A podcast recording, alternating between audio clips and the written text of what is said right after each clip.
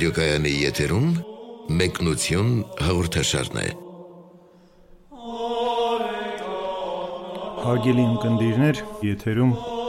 մեկնություն հաղորդաշարն է։ Ձեզ հետ է Մեսրոպ Քահանա Արամյանը։ Այսօր մենք հայրաբանական մեկնությունների շրջանակում կսկսենք ձեր ուշադրությանը ներկայացնել Պողոս Արաքյալի Տիմոթեոսին ուղված առաջին թուղթը եւ կանրադառնանք այդ թղթի առաջին գլխին։ Նախ այս թղթի մասին մի փոքր ներածություն. Ընդհանրապես մենք բազմաթիվ տեղերում ենք տեսնում Տիմոթեոս Արաքյալի, Արաքյալի աշակերտի, Պողոս Արաքյալի հավատակցի մասին հիշատակություններ գործ կարակելոցում, ինչպես նաև Պողոս Արաքյալի տարբեր թղթերում եւ տեսնում ենք, որ նա եղել է ուղղակիորեն Պողոս Արաքյալի հավատարիմ աշակերտը, հավատակիցը, գործակիցը, այսպես ասած, աճ ձեռքը։ Եվ փաստորեն առաքելական թղթերի մեջ երկուսը ուղված են Տիմոթեոսին շատ աստվածաշնչյան, այսպես կոչված քննադատներ փորձել են հարցականի տակ դնել այս թղթերի վավերականությունը, վերագրելով դրանք երկրորդ դարի ոմն անանուն հեղինակի։ Սակայն ընդհանուր առմամբ Աստվածաշնչյան մասնագետների տեսանկյունը այն է, որ այս թղթերը Պողոս Արաքյալի թղթերն են եւ գրված են մեր թվարկության 62-ից 68 թվականների ժամանակահատվածում։ Այս թղթերի մասին հիշատակություն կան առաքելական հայրերի գրվածքներում կամ ակնարկումներ կան Պողիկարպոսի մոտ, Կրեմես Հռոմեացու, Իրենեոսի, Իգնատիոսի թղթերում եւ ընդհանուր առմամբ եկեղեցու, այսպես ասած, աստվածաբանությունը կամ աստվածաշնչյան գիտությունը հարցականի տակ չի դնում այս թղթերի վավերականությունը, իսկ նրանց ցակման պատճառը շատ բնական է, քանի որ շատ հաճախ Պողոս Արաքյալը եղել է մեկ այլ վայրում եւ Տիմոթեոսը մեկ այլ կամ հատուկ առաքելությամբ Տիմոթեոսին ուղարկել է այս կամ այն եկեղեցի, ուստի բնական է, որ Պողոս Արաքյալը որոշակի ասենք տարածության վրա կարող էր նրան հրահանգներ տալ, թե ինչպես կազմակերպել այս կամ այն եկեղեցական կյանքը, որը տեսնում ենք նաև այս թղթի ներածության մեջ արտացոլված։ Ընթերցենք համապատասխան հատվածը։ Պողոսը, առաքյալը Հիսուս Քրիստոսի ըստ հրամանի մեր փրկիչ Աստուծո եւ Հիսուս Քրիստոսի, որը մեր հույսն է։ Տիմոթեոսին, հավատի մեջ սիրելի որդուն, շնոր, ողորմություն, խաղաղություն Հայր Աստծուց եւ մեր Տեր Հիսուս Քրիստոսից։ Պաստորեն Պողոս Արաքյալը իր այս թուղթը սկսում է մեկ անգամ եւս շեշտադրելով, որ ինքը Արաքյալ է Հիսուս Քրիստոսի։ Արաքյալ բառը ինքը գրափարյան դարձված է եւ արդի հայերենով նշանակում է առաքված, ուղարկված։ Եվ ասում է, որ իրեն ուղարկողը ոչ այլ ոք է, եթե ոչ հենց ինքը Հիսուս Քրիստոսը։ Այս շեշտադրումը առաքյալը հաճախ է կատարում իր թղթերի սկզբում ցույց տալու համար, որ ինքը իրականացնում է ոչ մարդկային գործունեություն։ Ինքը առաքված է եւ ոչ թե ինքնակոչ մեկը։ Ինքն իրեն չի կանչել, Աստված է նրան կանչել եւ տվել է հատուկ առաքելական շնորհներ եւ առաքել է տիրոջ գործը մարդկանց մեջ կատարելու համար։ Եվ Պողոս Արաքյալը հատուկ ձևով շեշտում է սա, ասում է եւ դա կատարվել է ըստ Փրկչի եւ Հիսուս Քրիստոսի հրամանի, այսինքն հատուկ հրամանով է նա դարձել առաքյալ։ Այնուհետև խոսքը ուղում է Տիմոթեոսին, նրան անվանելով հավատի մեջ սիրելի որդի։ Ահա այսպիսի կոչումով է նա մեծարում Տիմոթեոսին։ Սա իսկապես մեծարանք է, որովհետև ոչ թե պարզապես սիրելի մի որդի, այլ հավատքի մեջ սիրելի։ Ամբողջ Պողոս Արաքյալի գործունեությունը կարելի է անվանել հավատքի առաքելություն, հավատքի սփռում։ Սա իսկապես հավատքի ճանապարհը մարդկային քաղաքակրթության մեջ հարթելն էր։ Սա էր ավետարանումը Հիսուս Քրիստոսի եւ այդ ամենը բնորոշվում է հավատք բառով ընդհանրապես քրիստոնեությունը բնորոշվում է հավատք բառով կրոնը ամբողջությամբ քրիստոնեական եւ ահա նա Տիմոթեոսին անվանում է հենց հավատքի մեջ սիրելի որդի, ցույց տալու համար, որ այդ կապի մեջ չկան ինչ որ մարդկային կապանքներ, մարդկային զգացմունքներ, թեպետ դրանք էլ կարող էին լինել, բայց դա չի պատճառը։ Սա ոչ ազգակցական, ոչ ընկերական, ոչ ինչ որ մարդկային փոխհարաբերությունների հետևանք է, այլ արդյունք է հավատակցության, այսինքն հավատքի առաքելությունը աշխարհով մեկ իրականացնելու։ Եվ այդ ճանապարհին փաստորեն Տիմոթեոսը նրա հավատքի մեջ սիրելի որդին է։ Եվ Պողոս Արաքյալը նրան նախ եւ առաջ մաղթում է շնոր, ողորմություն եւ խաղաղություն։ Ահա երեք падգամներ, որ Պողոս Արաքյալը տալիս է Տիմոթեոսին, որովհետեւ Տիմոթեոսը ինչպես կտեսնենք, այս գլխի եզրափակման մեջ վարի բարի մարտը, որովհետև քրիստոնեական հավատքի տարածումը դա պատերազմ էր, իրական պատերազմ էր։ Այդ պատերազմի մեջ նահատակվում էին մարդիկ, գրեթե բոլոր առաքյալները, նրանց աշակերտները, նրանք ենթարկվում էին անտանելի չարչարանքների, բանտարկվում էին, ատյանների առաջ էին կանգնում, ամեն տեսակ անցնում էին դժվարությունների եւ տարապանքների միջով եւ ահա այդ առաքելությունը իրականացնելու համար Պողոս Արաքյալը նախ մաղթում է նրան շնոր, որովհետեւ ամեն բան ինչ որ որ պիտի կատարի Տիմոթեոսը պիտի լինի ըստ Աստծո շնորի, որտեվ Աստծո շնորհն է, որ բացում է Աստվածային բարիքների ամբողջությունը, Աստծո շնորհն է, որ հաստատում է հավատքի մեջ մարդկանց ներքնապես է հաստատում եւ տալիս է ամենադժվարին իրավիճակներում մեծագույն ներքին մխիթարություն ողորմություն, որովհետև իսկապես մարդու կյանքը բոլորովին եւ ամբողջությամբ ինքը ողորմություն է, Աստծո ողորմածությամբ է, որ մենք ապրում ենք։ Աստծո ողորմածությամբ է, որ մենք կարողանում ենք որևէ գործ կատարել, որպեսի Աստծո ողորմությունը, ներողամտությունը միշտ մեզ վրա լինի։ Եվ Աստված մեզ չդատի ըստ մեր սխալների, այլ դատի մեզ ըստ իր ներողամտության եւ ողորմածության, ինչը որ միշտ անում է Աստված։ Եվ վերջապես խաղաղություն, այն խաղաղությունը, որ Քրիստոս հաստատեց աշխարհի վրա, որը նման չէ այս աշխարհի խաղաղությանը։ Եվ մենք հաճախ ենք տեսնում, որ Ռաքյալը խաղաղություն է մաղթում եկեղեցիներին, մարդկանց եւ Քրիստոս էլ փաստորեն վերջին իրադարձություններից առաջ, երբ իր աշակերտների հետ նստած էր, ասեց, որ իմ խաղաղությունն եմ թողում ձեզ, բայց ոչ այնպես, ինչպես այս աշխարհն է տալիս, որովհետև Քրիստոսի խաղաղությունը իսկապես հակասության մեջ է այս աշխարհի խաղաղության հետ։ Քրիստոսի խաղաղությունը կարող է լինել մարդու մեջ, երբ նա նահատակվում է, երբ նա աներևակայելի եւ անտանելի իրավիճակներում է գտնվում, բայց ներքնապես նա ունի մեծագույն խաղաղություն։ Այդ խաղաղությունը ինչ որ առումով, եթե մարդը ձեռք է բերում ըստ եկեղեցու հայրերի աստվածային խաղաղությունը, դա աստվածային իրականության ներկայությունն է մարդու մեջ կամ Աստծո արխայության ներկայությունը։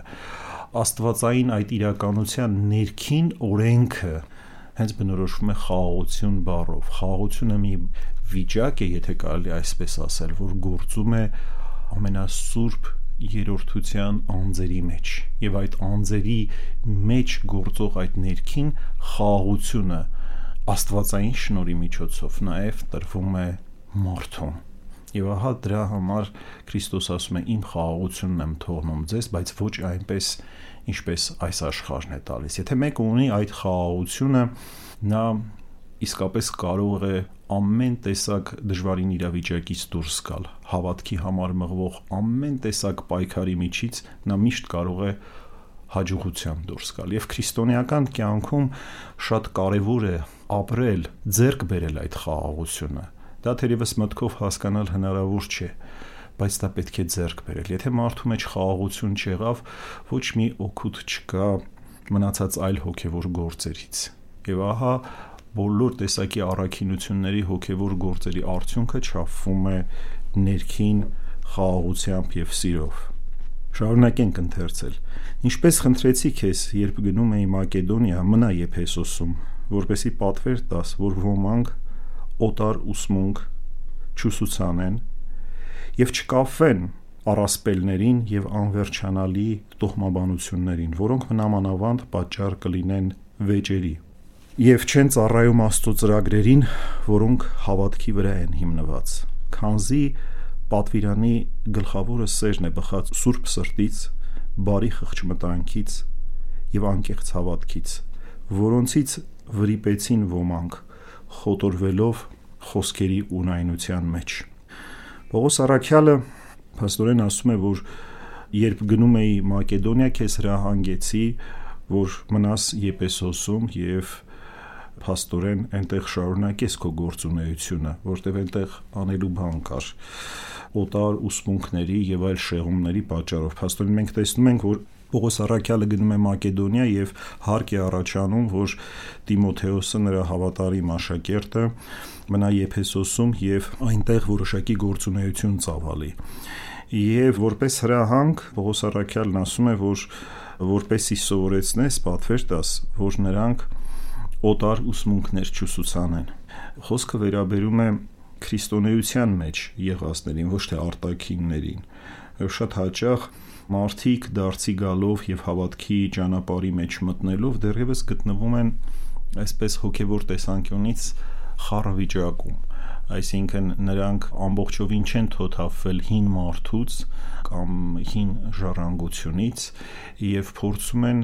այդ ամենը իրար խառնել եւ օտար ուսուցումներ, օտար ուսմունքներ մցնել, ներմուծել քրիստոնեական վարդապետության մեջ։ Եկեղեցին ի սկզբանե իր գործունեության հենց առաքելական շրջանից բախվել է տարբեր տեսակի օտարամուտ քարոշչությունների, մշակութային, բարոյական շեղումների եւ ստիփված էլ եղել հենց առաքելական շրջանից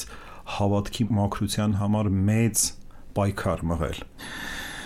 Եվ պետք է հասկանալ, որ մարդիկ գալիս էին տարբեր կրոնական, մշակութային փաստորեն համատեքստից եւ նրանք իրենց հետ քաշ էին տալիս ահռելի պատմական, մշակութային, կրոնական բեռ եւ շատ հաճախ չէին ուզում դրանից հրաժարվել։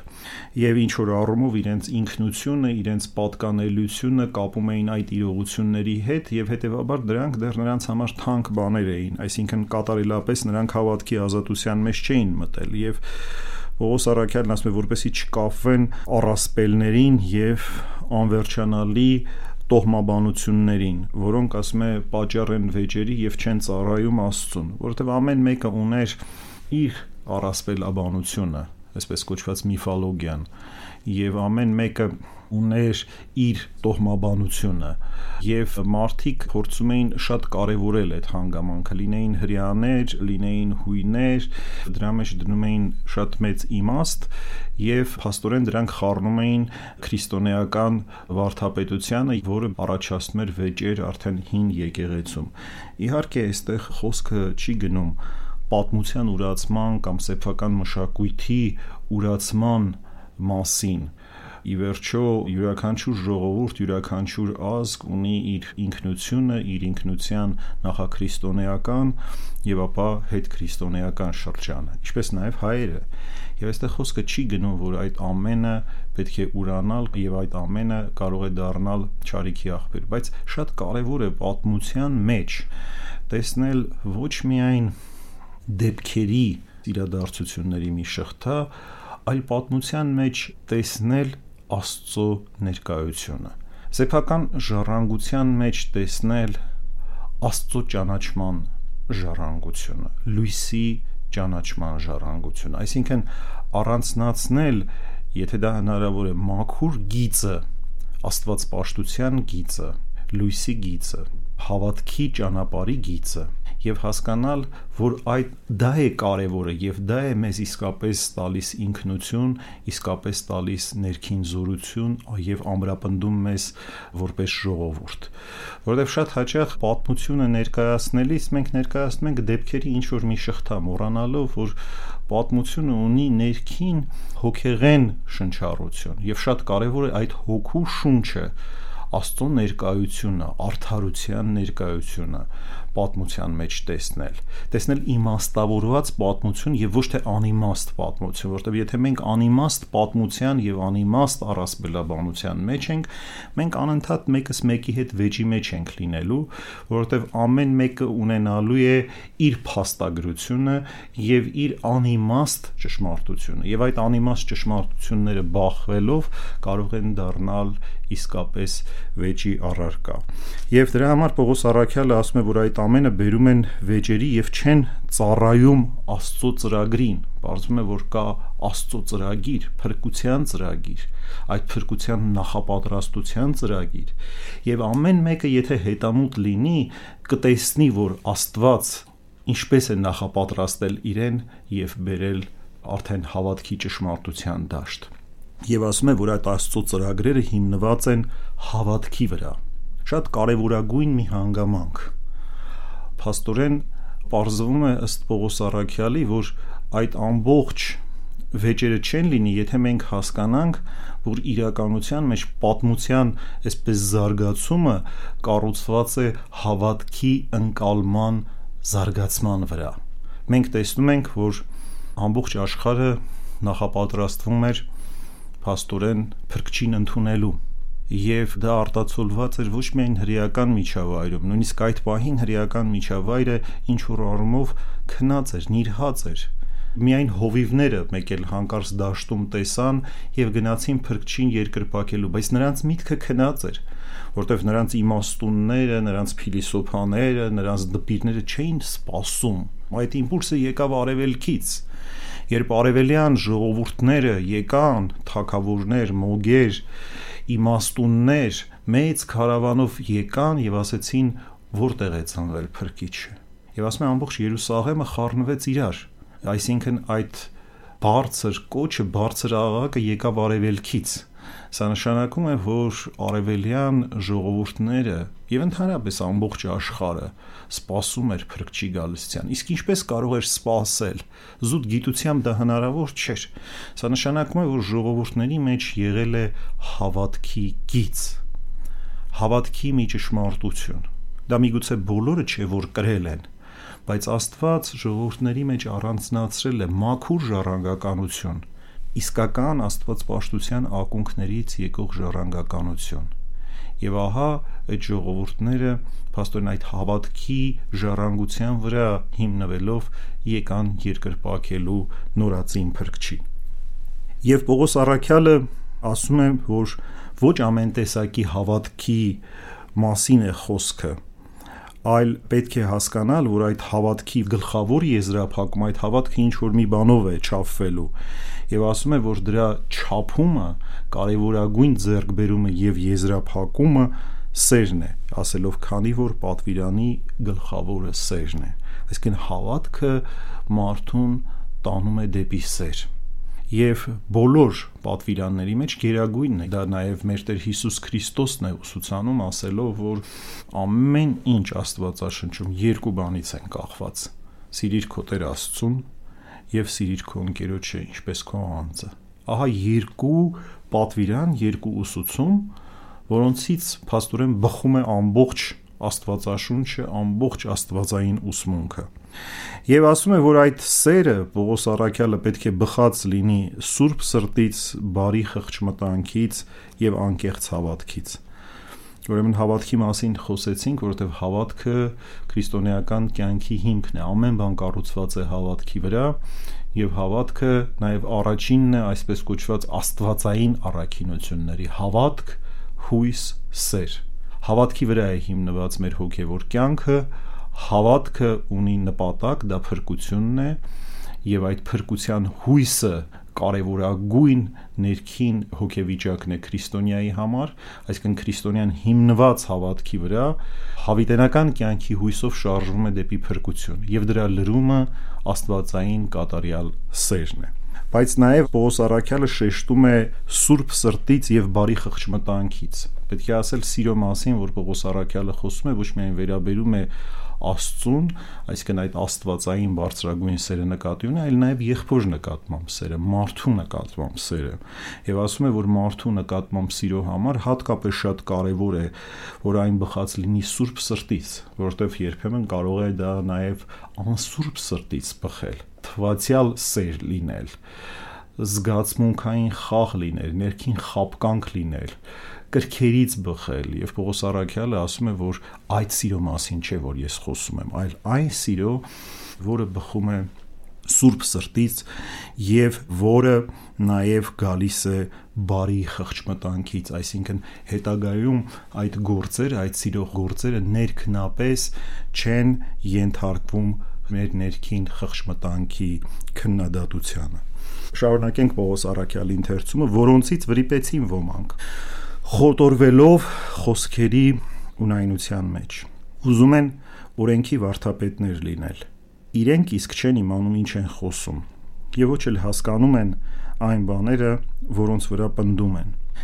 Գիտենք, որ օրենքը լավ է, եթե մեկն այն գործադրի օրինավոր կերպով, բայց այս բանը թող իմանա, որ արթարների համար չէ օրենքը, այլ անօրենների եւ անհնազանդների, ամբարիշների եւ մեղավորների, անմաքուրների եւ պիղծերի հայր ու մայր անարգողների, մարդասպանների, pornikների, արվամոլների, մարդագողերի, ստախոսների, սուտ երթվողների, այլև ամեն բանի համար, որը հակառակ է ողջամիտ վարդապետության։ Վարդապետություն, որ համապատասխանում է երանելի Աստծո փառավոր ավետարանին, որին եւ հավատարիմ եղա ես։ Փաստորեն Պողոս Արաքյալը ասում է, որ այս կարևոր հանգամանքից, այս հավատքի պատվիրանից, հավատքի վրա հիմնված այդ հավիտենական հույսի ու սիրո այս աստվածային առաքինություններից մարդիկ շեղվեցին։ Շատ հետաքրքիր խոսք է ասում խոտորվելով խոսքերի ունայնության մեջ, այսինքն դատարկ վարթապետությունների մեջ այսինքն նրանք օգտագործում են խոսքեր, երբեմն շատ պատկերավոր, որովհետև առանց այդ պատկերավոր խոսքի դժվար թե նրանք կարող էին մոլորեցնել եւ ազդել մարդկանց վրա, բայց այդ խոսքերը ներքնապես դատարկ են, ունայն են։ Նրանք լցված չեն աստվածային ճշմարտությամբ։ Նրանք լցված չեն իմաստությամբ, աստծո լույսով։ Նրանք չեն ազատում մարդկանց ընդհակառակը նրանք մարդկանց կապանքում են, շեղում են, խափում են։ Եվ Պողոս Առաքյալն ասում է, նրանք ուզում են օրենքի վարդապետներ լինել, բայց չեն հասկանում, թե ինչ են խոսում։ Ոչ էլ հասկանում են այն բաները, որոնց վրա պնդում են։ Այսինքն սաստիկ շեշտադրում են օրենքի վրա, մենք սա հաճախ ենք տեսնում տարբեր եկեղեցիներին ուղված Պողոս Արաքյալի թղթերում, որ չափազանց կարևորում էին օրենքը, այսինքն պատվիրանները, օրենքը եւ այլն եւ հատկապես հուդայական օրենքից եկող քարոզիչները եւ փաստորեն ըստ նրանց ավետարանը Քրիստոսի ամբողջ վարդապետությունը դառնում էր օրենքի ինչ որ մի լրացում, օրենքի հետևանք Եվ Պողոս Արաքյալը զգուշացնում է, ասում է, որ նրանք պնդում են բաների վրա, որոնք իրենք չեն հասկանում, եւ իրականությունը այս է. քրիստոնեությունը հետևանք չէ օրենքի։ Քրիստոնեությունը չի բխում նոր օրենքը չի բխում հին օրենքից նոր կտակարանը չի բխում հին կտակարանից նա հայտնություն է հայտնության մեջ ավելի շուտ նոր կտակարանի մեջ է, որ մենք կարող ենք ինչ որ բաներ հասկանալ հնի մասին եւ հասկանալ այդ հնի իմաստը առանց նորի այդ հինը կլիներ կատարելապես անիմաստ մի բան հետեւաբար այդ հին օրենքը եւ ընդհանրապես օրենք հասկացողությունը ինքն իր մեջ ճուներ կատարելություն շատ հաճախ այդ օրենքները մեզ տրվում էին մեղքի հետևանքով մեր խստասրտության հետևանքով ինչպես ասում է Քրիստոս եւ ոչ թե նրա համար, որ ինքնին այդ օրենքները իմաստ ունեն։ Ընդհանրապես պետք է նաեւ ասել, որ ամբողջ առաքելական թղթերում շեշտվում է, որ օրենքի մեջ իմաստ չկա շատ ավելի կարևոր է օրենքի նպատակը։ Օրենքը նախապատրաստում է մարդուն ազատության։ հոգևոր հավատքի ազատությունն է գլխավոր իմաստը եւ ոչ թե ինքնին օրենքը։ Նա ով ազատության մեջ է, Պողոս Արաքյալը ասում է հետեւյալը. գիտենք, որ օրենքը լավ է, եթե մեկն այն գործադրի օրինակավոր կերպով, բայց այս բանը թող իմանա, որ արդարների համար չէ օրենքը, այլ անօրենների եւ անհնազանդների եւ այնուհետեւ շարունակում է այսպես մեղավորների մի ամբողջ ցանկ, բայց մի անգամ եւս շեշտում է, որ օրենքը արդարների համար չէ։ Եվ արդարությունը իսկապես մի բան է, որը օրենքով չափվել չի կարող։ Դա աստվածային ազատությունն է, որտեղ արդարությունը դա շնոր է։ Շնորը որևէ օրենքով չի կարող սահմանափակվել։ Շնորը մի չգրված օրենք է, չսահմանված օրենք է աստվածային մի օրինաչափություն է, որը գալիս է մտնում է մարդու մեջ, եթե մարդը դրան արժանի է եւ մարդուն տալիս է կատարյալ ազատություն։ Բայց դեռ քանի մարդը չունի այս ազատությունը, այդ հոգու ազատությունը, քանի դեռ մարդը ինքը արժանի չի դարձել Աստծո ներբնակեցման, մարդկային կյանքի համար պետք են որոշակի օրենքներ, հոգևոր կանոնակարգումներ են պետք։ Եթե մարդը չի կարող առաջնորդվել բացարձակապես չգրված օրենքներով, աստվածային առաքինություններով, նրա հոգևոր կյանքը կարգավորելու համար անհրաժեշտ է օրենք, բայց այդ օրենքը պետք չէ դարձնել գլխավոր իմաստ քրիստոնեական կյանքի։ Ըստ այդ օրենքի մենք կարող ենք զատորոշել ու հասկանալ, որ տարբեր անհնազանդներ եւ անօրեններ կան, անբարիշտներ կան, անմաքուրներ եւ պիղծեր։ Օրինակ հայր եւ մայր անարգողներ կան։ Այդ հայր եւ մայր անարգողները արդեն դատապարտվում են տասնաբանյա օրենքով, որը մեզ ուսուցանում է պատվել փաստորեն ծնողներին մարդասպանություն կա պորնիկներ կան, արվամոլներ, մարդագողեր, ստախոսներ, սուտ երթվողներ եւ ընդհանրապես ամեն բան, որը հակառակ է ողջամիտ վարդապետության։ Վարդապետություն, որը համապատասխանում է Աստծո ավետարանին, որի հավատարիմն է, որի պաշտպանն է, որի համար մարտնչողն է Պողոս Արաքյալը։ Ահա ուրեմն օրենքի իմաստը։ Օրենքը մեզ նախապատրաստում է ավելի բարձր հոգևոր վիճակի ավելի բարձր հոգևոր վիճակի մեջ գտնվողները նրանք ովքեր հասնում են այդ հոգևոր ազատությանը նրանք Աստծո հոգևոր օրենքի մեջ են եւ այդ օրենքը արդեն տարերով չի գրվում թանակով չի գրվում քարերի վրա չի գրվում այլ գրվում է սրտի մարմնեղեն տախտակների վրա Աստծո սուրբ հոգով եւ ոչ թե մարդու ձեռքով ահա մարդը երբ հասնում է օրենքի գիտակցության կամ հոգևոր ազատության այսպիսի բարձր վիճակի, նա այլևս այն գործող օրենքների սահմանափակության մեջ թե ոչ թե նրա համար որ ինքը արհամարում է այդ օրենքը ոչ թե նրա համար որ համարում է սխալ ոչ թե նրա համար որ ինքը ոչ այդ այդ օրենքը չի կատարել խախտելով է անցել այդ օրենքների միջով ոչ ընդհակառակ այդ օրենքների միջով նա անցել է բայց հասել է ավելի մեծին։ Հասել է ավելի մեծին ու հասկացել է, որ այդ օրենքը իրեն նախապատրաստել է ավելի մի բարձր օրենքի։ Շարունակենք կարդալ Պողոս Արաքյալի հաջորդ հատվածը առաջին գլխի շնորհակալություն նրա որ զորացրեց ինձ մեր Տեր Հիսուս Քրիստոսի միջոցով որը վստահելի համարեց ինձ այս սпасավորությունը կարգելու ինձ որ նախապես հայուի չէի հալածիչ եւ անարգող բայց ես ողորմություն գտա, որտեվ այդ բանն անում էի անգիտության եւ անհնազանդության մեջ գտնվելով։ Եվ Տիրոջ շնորը շատացավ ինձ համար այն հավատով եւ սիրով, որ լի է ի Քրիստոս Հիսուս։ Վստահելի եւ ամենայն ընդունելության արժանի է այս խոսքը, թե Քրիստոս Հիսուս եկավ փրկելու մեղավորներին, որոնց գլուխը ես եմ ողորմություն գտա նրա համար,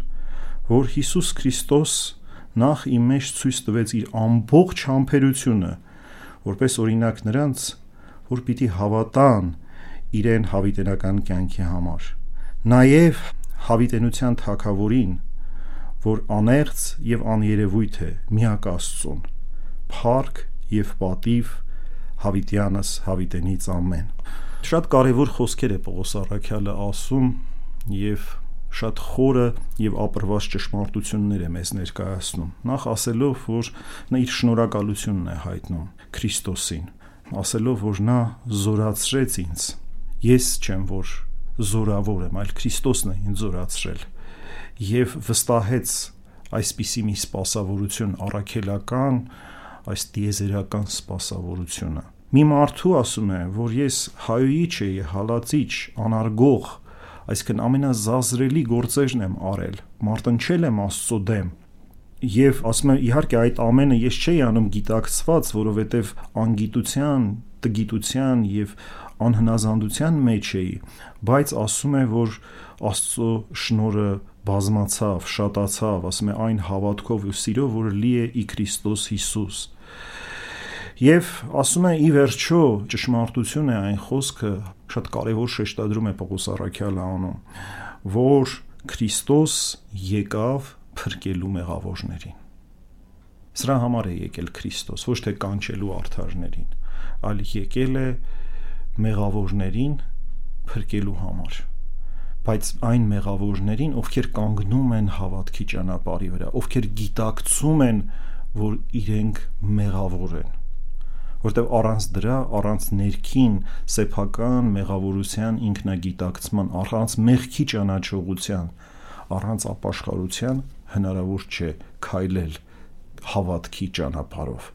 Սկիզբը Աստծո շնորի լուսավորությամբ սեփական մեղքերի ճանաչողությունն է հանապազ ապաշխարությունն է եթե մենք անընդհատ մեր մեղքերի մասին չենք մտածում մենք երբեք չենք կարող բարձր հոգևոր վիճակների մեջ լինել։ Մի անգամ մեծ ըմպիմենին մեկը գալիս է ասում է ով մեծ հայր ես անընդհատ իմ սրտում տեսնում եմ ամենասուրբ երրորդության լույսը ասում է մեծ ըմպիմենը նրան պատասխանեց եւ ասաց որ Երանի դու ամեն օր քո սրտում տեսնեիր քո մեղքերը Ահա տեսնում ենք ինչի վրա է կառուցված եղել իսկապես սրբությունը, սրբակեցությունը, անապատականությունը, հզոր գործերը, սեփական մեղքերի ճանաչողության վրա։ Ահա քրիստոնեական կյանքի հիմքը։ Բայց Պողոս Արաքյալը այստեղ մի շատ կարևոր եւ հուզիչ շեշտադրում է կատարում, ասելով Քրիստոս եկավ փրկելու մեղավորներին, որոնց գլուխը ես եմ։ Այսինքն Պողոս Արաքյալը իրեն համարում է գլուխը բոլոր մեղավորների ամենամեղավոր մարդն է համարում իրեն։ Մարդ, որը արժանացել էր Աստծո մեծագույն շնորհներին, առաքյալ էր եւ մեծագույն գործերը կատարեց քրիստոնեական պատմության մեջ եւ ահա նա իրեն համարում է գլուխը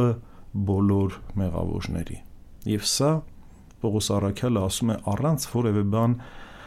նենգա փոխելու կամ աղավաղելու ոչ թե ասում է նրա համար որ տպավորություն թողնի ասում է որովհետեւ այդպես էր մտածում այդպես էր համարում եւ այդպես են իրենց համարել բոլոր սուրբերը Սուրբ Գրիգոր Նարեկացին երբ կարդում ես, երբ նա նկարագրում է իր մեղքերը, իր մեղավորությունը, շատ հաճախ սա թվում է մարդկանց չափազանցություն, որ չափից ավելին է նա ասում։ Ինչպես կարող էր այդ սուրբ մարդը ասել, որ ինքը ավելի մեղավոր է, քան շատ հայտնի զազրելի մեղքի մեջ գտնվողներ բայց մեղքի սեփական մեղավորության զգացողությունը չի չափում այս կամ այն տեսանելի մեղքով։ Նույնիսկ ամենաչնչին մեղքը կարող է ահրելի ծանրություն ունենալ մարդու համար եւ դա կախված է հենց մարդու սրբությունից։ Սրբության մեջ ամենաչնչին մեղքը, որը կարող է սուրբին բաժանել Աստծուց, դա կարող է լեռների չափ ծանրություն ունենալ։ Եվ ահա Պողոս Արաքյալը մեծագույն խոնարհությամբ եւ իսկապես ճշմարիտ քրիստոնեական հոգով ասում է որոնց գլուխը ես եմ եւ այս սրբության падգամով Պողոս Արաքյալը դաստիարակել է բոլոր իրենից հետո եկող սուրբերին անապատականներին որոնք այդ զգացողությամբ ապրել են իրենց ամենախոնարհը դասելով իրենց երբեք որևէ մեկից բարձր չդասելով եթե Պողոս Արաքյալը ասում է որ ես ամենամեծ մեղավորն եմ, ես գլուխն եմ այդ մեղավորների, դա նշանակում է, որ Պողոս Արաքյալը իրեն բացարձակապես չի դասում որևէ մեկից բարձր, սա կատարյալ խոնարհության վկայությունն է։ Եվ նաև Պողոս Արաքյալը մեծ հույս է տալիս մեղավորներին, շատ մեծ հույս, ասելով, որ երբևիցե չվհատվեք Եթե մեղքերի մեջ եք չմտածեք, որ Աստծո լույսը չի կարող ձեզ այցելել, որ դուք չեք կարող ազատագրվել մեղքերից եւ փրկության արժանանալ, ասելով, որ ես ողորմություն կտա, որովհետեւ ասում է նախ իմ մեջ ցույց տվեց իր ամբողջ համբերությունը, այսինքն Աստված ասում է համբերել է այն բոլոր անարգանքներին, այն բոլոր չարագործություններին, Աստծո դեմ պայքարին, որ ես տարել եմ ասում է ցույց տվեց իր ամբողջ համբերությունը, որպես օրինակ նրանց, որ պիտի հավատան իրեն հավիտենական կյանքի համար։ Երբ Պողոս Արաքյալն ասում է ուղղակիորեն, որ եթե Աստված ինձ է համբերել, նա կարող է ցանկացած մեղավորի համբերել։ Եթե այդ մեղավորը դարձի է գալիս եւ ասում է, որ մեղակ է Տեր Աստված, ես ճշմարիտ կյանքով չեմ ապրել եւ այսուհետ համաձայն եմ ապրել ըստ այն կյանքի, որը դու ես մեզ տվել։ Շարունակում է եւ վերջին եզրափակիչ խրատն է տալիս Տիմոթեոսին, ասելով որդեակիմ Տիմոթեոս, ավանդում եմ քեզ այս պատվիրանը քո մասին նախապես եղած մարգարեությունների համաձայն, որպեսի նրանցով դու մղես բարի պատերազմը, պահես հավատը բարի խղճմտանքով, որը ոմանք հերով անելով իրենցից նավաբեկության ենթարկվեցին հավատի մեջ։ Դրանց թվում են Հիմենոսը եւ Աղեքսանդրոսը, որոնց մատնեցի սատանային, որպեսի խրատվեն չհայոյել։ Ուրեմն փաստորեն ասում է ըստ քո մասին եղած մարգարեությունների, այսինքն ըստ այն կանխասացությունների, որ ես գիտեի, եւ որոնցով որ դու եկել ես դեպի հավատքի քարոզության, հավատքի առաքելության դաշտ, ասում է դու նրանց համաձայն մղիր քո բարի պատերազմը, որպեսզի դու մղես քո բարի պատերազմը ըստ հոգևոր այն նախապես հայտնված մարգարեությունների կանխասացությունների, որոնք որ առաջնորդել են քեզ դեպի հավատքի դաշտ։ Եվ ասում է, որ բոլորը չեն, որ այդպես են, վարվել։ Կան մարդիկ, ովքեր շեղվեցին ճշմարտության ճանապարհից, ովքեր կանչվեցին, բայց շեղվեցին եւ նավաբեկության ասում է ենթարկվեցին հավատքի մեջ, այսինքն հավատքի մեջ էին նստել էին այդ հավատքի նավի վրա բայց ենթարկվեցին նավաբեկությունների եւ հիշատակում է երկուսի անունը այսպիսի մի անհասկանալի խոսք ասելով ասում է որ նրանց մատնեցի սատանային որպեսի խրատվեն չհայոյել եւ Պողոս Արաքյալը նաեւ կորինթացիներին ուղված թղթում է ասում որ ինչ որ մեկին մատնել սատանային որպեսի մնացածը փրկվեն կամ որպեսի հոգին փրկվի եւ ինչ է նշանակում սատանային մատնել արտահայտությունը այստեղ ընդհանրապես պետք է ասել որ աշխարհում կա աստվածային իրականությունը, որը Քրիստոսի եկեղեցին է, որտեղ մտնելով մարդիկ զերծ են ճարի խապկանքներից եւ ընդհանրապես ճարի իշխանությունից ճարը նրանց վրա իշխանություն չունի ովքեր որ հավատքի ազատության մեջ են ովքեր Քրիստոսի եկեղեցու իրապես ժառանգության մեջ են բայց Քրիստոսի եկեղեցուց դուրս դա արդեն արտաքին աշխարհն է ուրեմն հոգեվոր առումով կա լուսավոր աստվածային իրականությունը այս աշխարհում եւ կա դեռ խավարի իշխանություն։ Այսինքն, եթե դու այդ լույսի իշխանության մեջ ես, լույսի իրականության մեջ ես, դու կարող ես դառնալ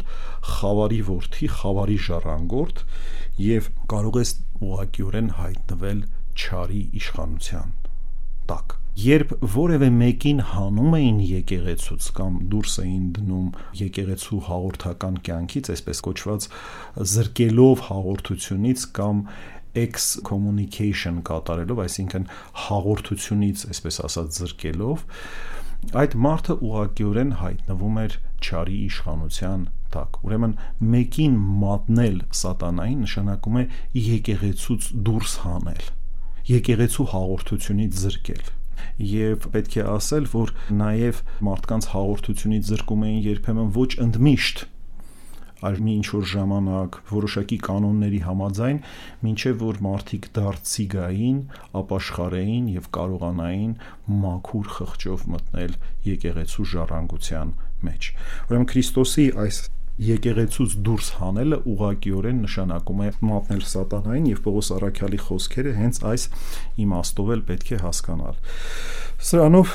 թույլ տվեք եզրափակել Պողոս Արաքյալի Տիմոթեոսին ուղղված առաջին թղթի առաջին գլխի ներկայացումաստ եկեղեցու հայրերի մեկնաբանությունների եւ այժմ անդրադառնամ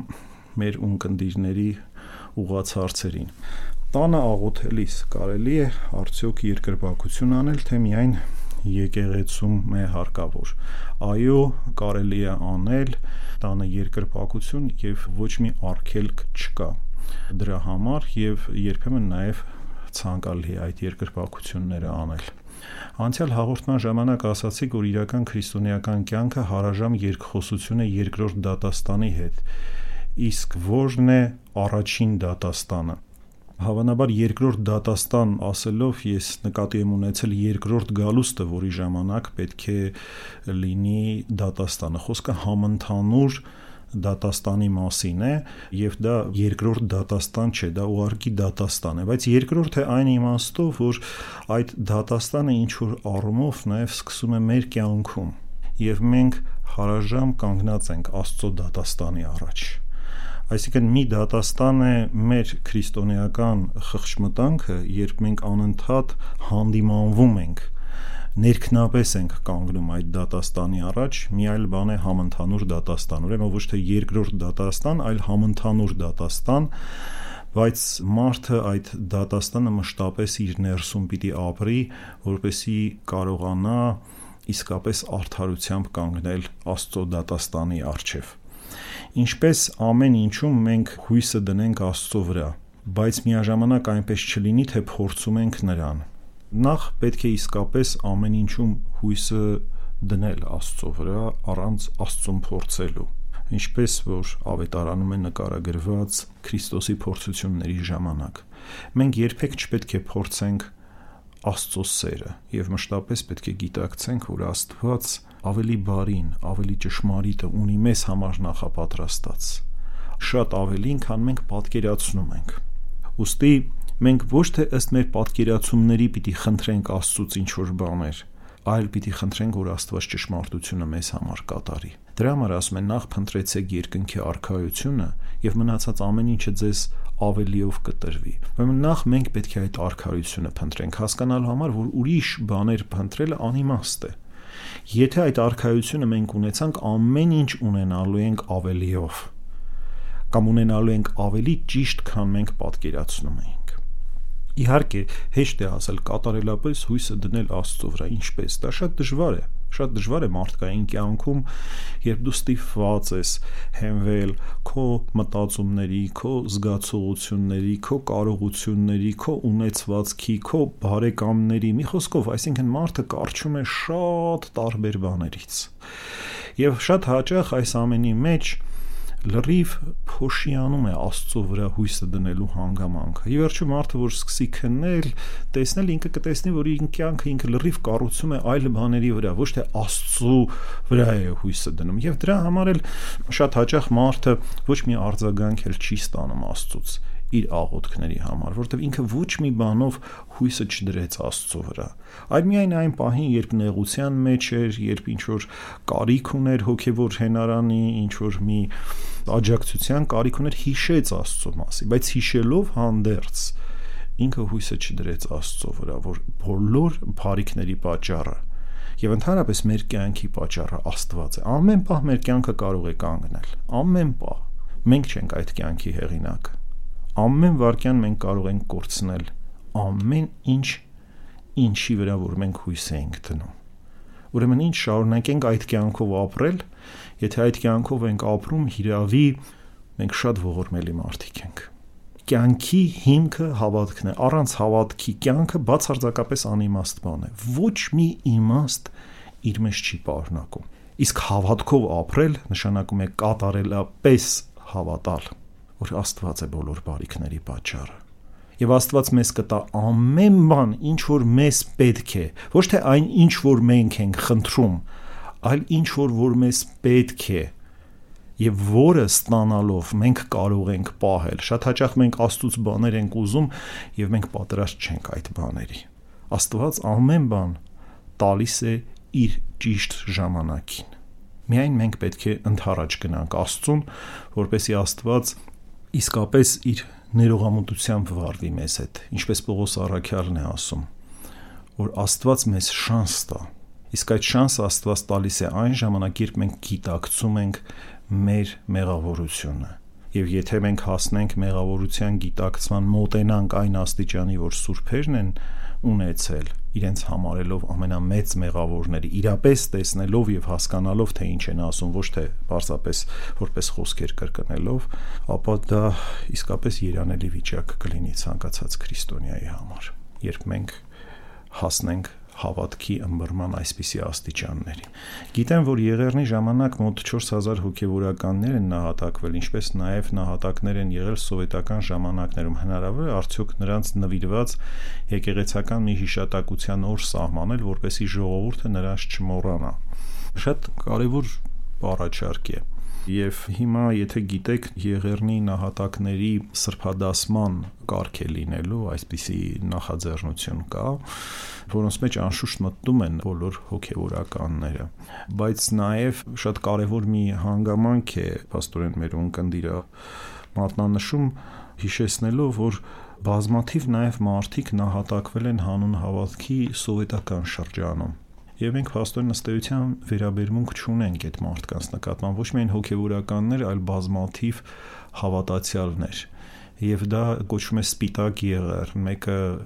կարմիր արյունոտ եղերներ, որի ժամանակ փաստորեն 1.5 միլիոն մարդիկ, անմեղ մարդիկ զոհ դարձան այդ ոչրագործությանը եւ դրանից հետո սկսվեց այդ սովետական ժամանակաշրջանը երբ բոլոր այն մարդիկ հատկապես ովքեր հավատքի մեջ էին կասկածում այդ մարդիկ ենթարկվում էին աներևակայելի փաստորեն այսպես հետապնդումների եւ ոչ միայն հավատքի մեջ եղողներ ընդհանրապես որևէ մեկը որի կասկած կար որ այդ մարդը այսպես լույսի կրիչ է եթե մեկը լուսավոր էր այդ մարդուն վիճակված էր շատ դաժան ճակատագիր եւ փաստորեն ըստ որոշ հաշվարկների ոչ միայն հայեր, այլ նաեւ բոլոր ազգերն են տարապել շուրջ 40 միլիոն մարդ է փաստորեն զոհ գնացել այս սովետական հալածանքների։ Սա ավելին է, քան 20-րդ դարի պատերազմների ընթացքում զոհվածների թիվը։ Այսինքն դա եղել է աներևակայելի, այսպես հալածանք մարդկության նկատմամբ։ Եվ ինչ որ առումով կարևոր է, որ սա հիշատակվի եւ չգիտեմ արդյոք միայն հոգեվորականներին առանձնացնելը որքանով է ճիշտ, բայց լավ առաջարկ է։ Քրիստոս ասում է մարդու որդին երբ գա արդյոք հավատ կգտնի, սակայն հայտնի է որ հավատք ունեն բոլորը, անգամ դևերն են հավատում եւ դողում Աստծո առաջ։ Ուրեմն ինչպես հասկանանք այս խոսքերը ըստ հայրերի մեկնաբանության,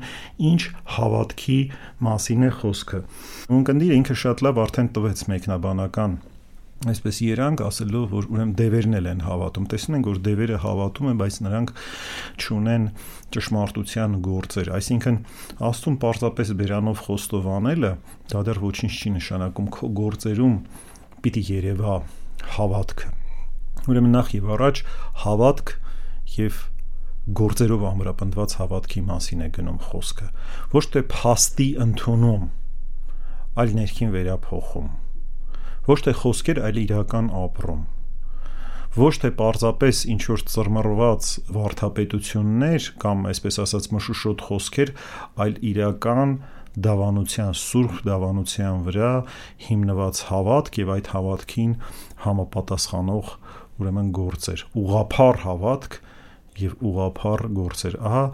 սա նկատի ունի Քրիստոս, որ երբ գա ինքը գտնելու է հավատքի այդպիսի մակրությունը։ Ոչ թե մարդիկ հավատքից ընդհանրապես չեն խոսելու, բայց լինելու է հավատքի մասին շատ խեղաթյուրված մեկնաբանություններ։ Եվ այդ առումով Քրիստոս ասում է, որ արդյոք գտնելու է հարցական ձևով է Քրիստոս ասում։ Չի ասում թե իսպար չի գտնելու, որտեղ վերջին իրադարձությունների մասին գիտենք, որ լինելու են նաև հավատքի շատ մեծ վկայություններ եւ Աստված միշտ պահպանելու է այն առողջ միջուկը, որտեղ առանց այդ միջուկի մարդկային կյանքը չի կարող առաջ շարժվել։ Առանց սուրբերի օրհնության մարդկային կյանքը չի կարող առաջ ընթանալ այսինքն ինչքան էլ հալածանքը, խեղաթյուրումը, աղավաղումը շատանա, դրա հետ զուգահեռ նաև Աստծո շնորհն է շատանալու բայց Քրիստոս երբ այդպիսի հարցական, ասում է, արդյոք գտնելու է, նա նկատի է ունենալու, որ աշխարհը լցված է լինելու նաև սուտ եւ կեղծ վարդապետություններով։ Անցյալ հաղորդման ժամանակ խոսեցիք ծույլերի մասին, մեջբերելով Աստվածաշնչյան հետևյալ խոսքերը՝ հերրու մնացեք ծույլերից։ Իսկ եթե ամուսինն է ծուլանում աշխատելու ցանկություն բոլորովին չունի եւ ամբողջ հոգսը կնոջ վրա է, մեկ եկեղեցու կարգի միայն pornokության մեղքի դեպքում կարելի է ամուսնալուծվել։ Սակայն ինչպես վարվել այս դեպքում։ Իհարկե, այս մեղքի պարագայում ամուսնալուծության հորդոր չկա եւ պետք է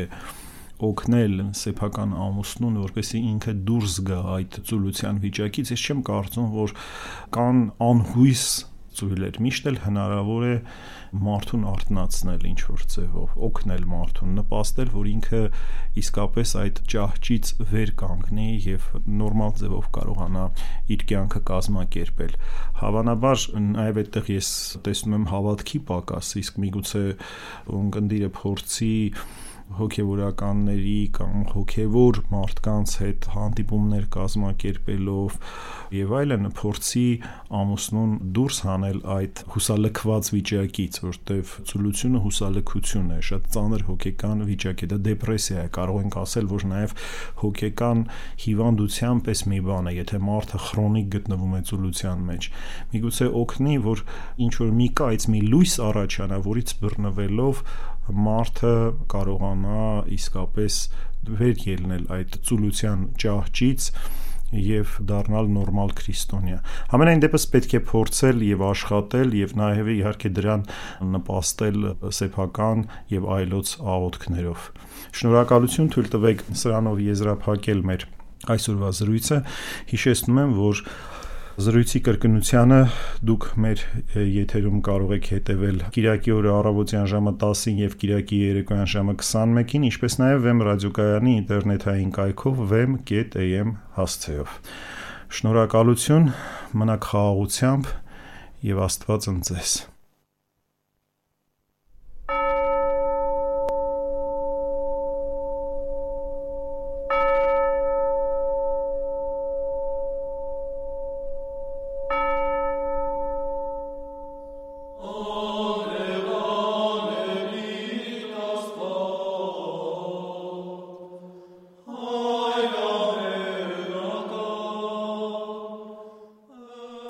ռադիոկայանի եթերում մեկնություն հաղորդաշարներ։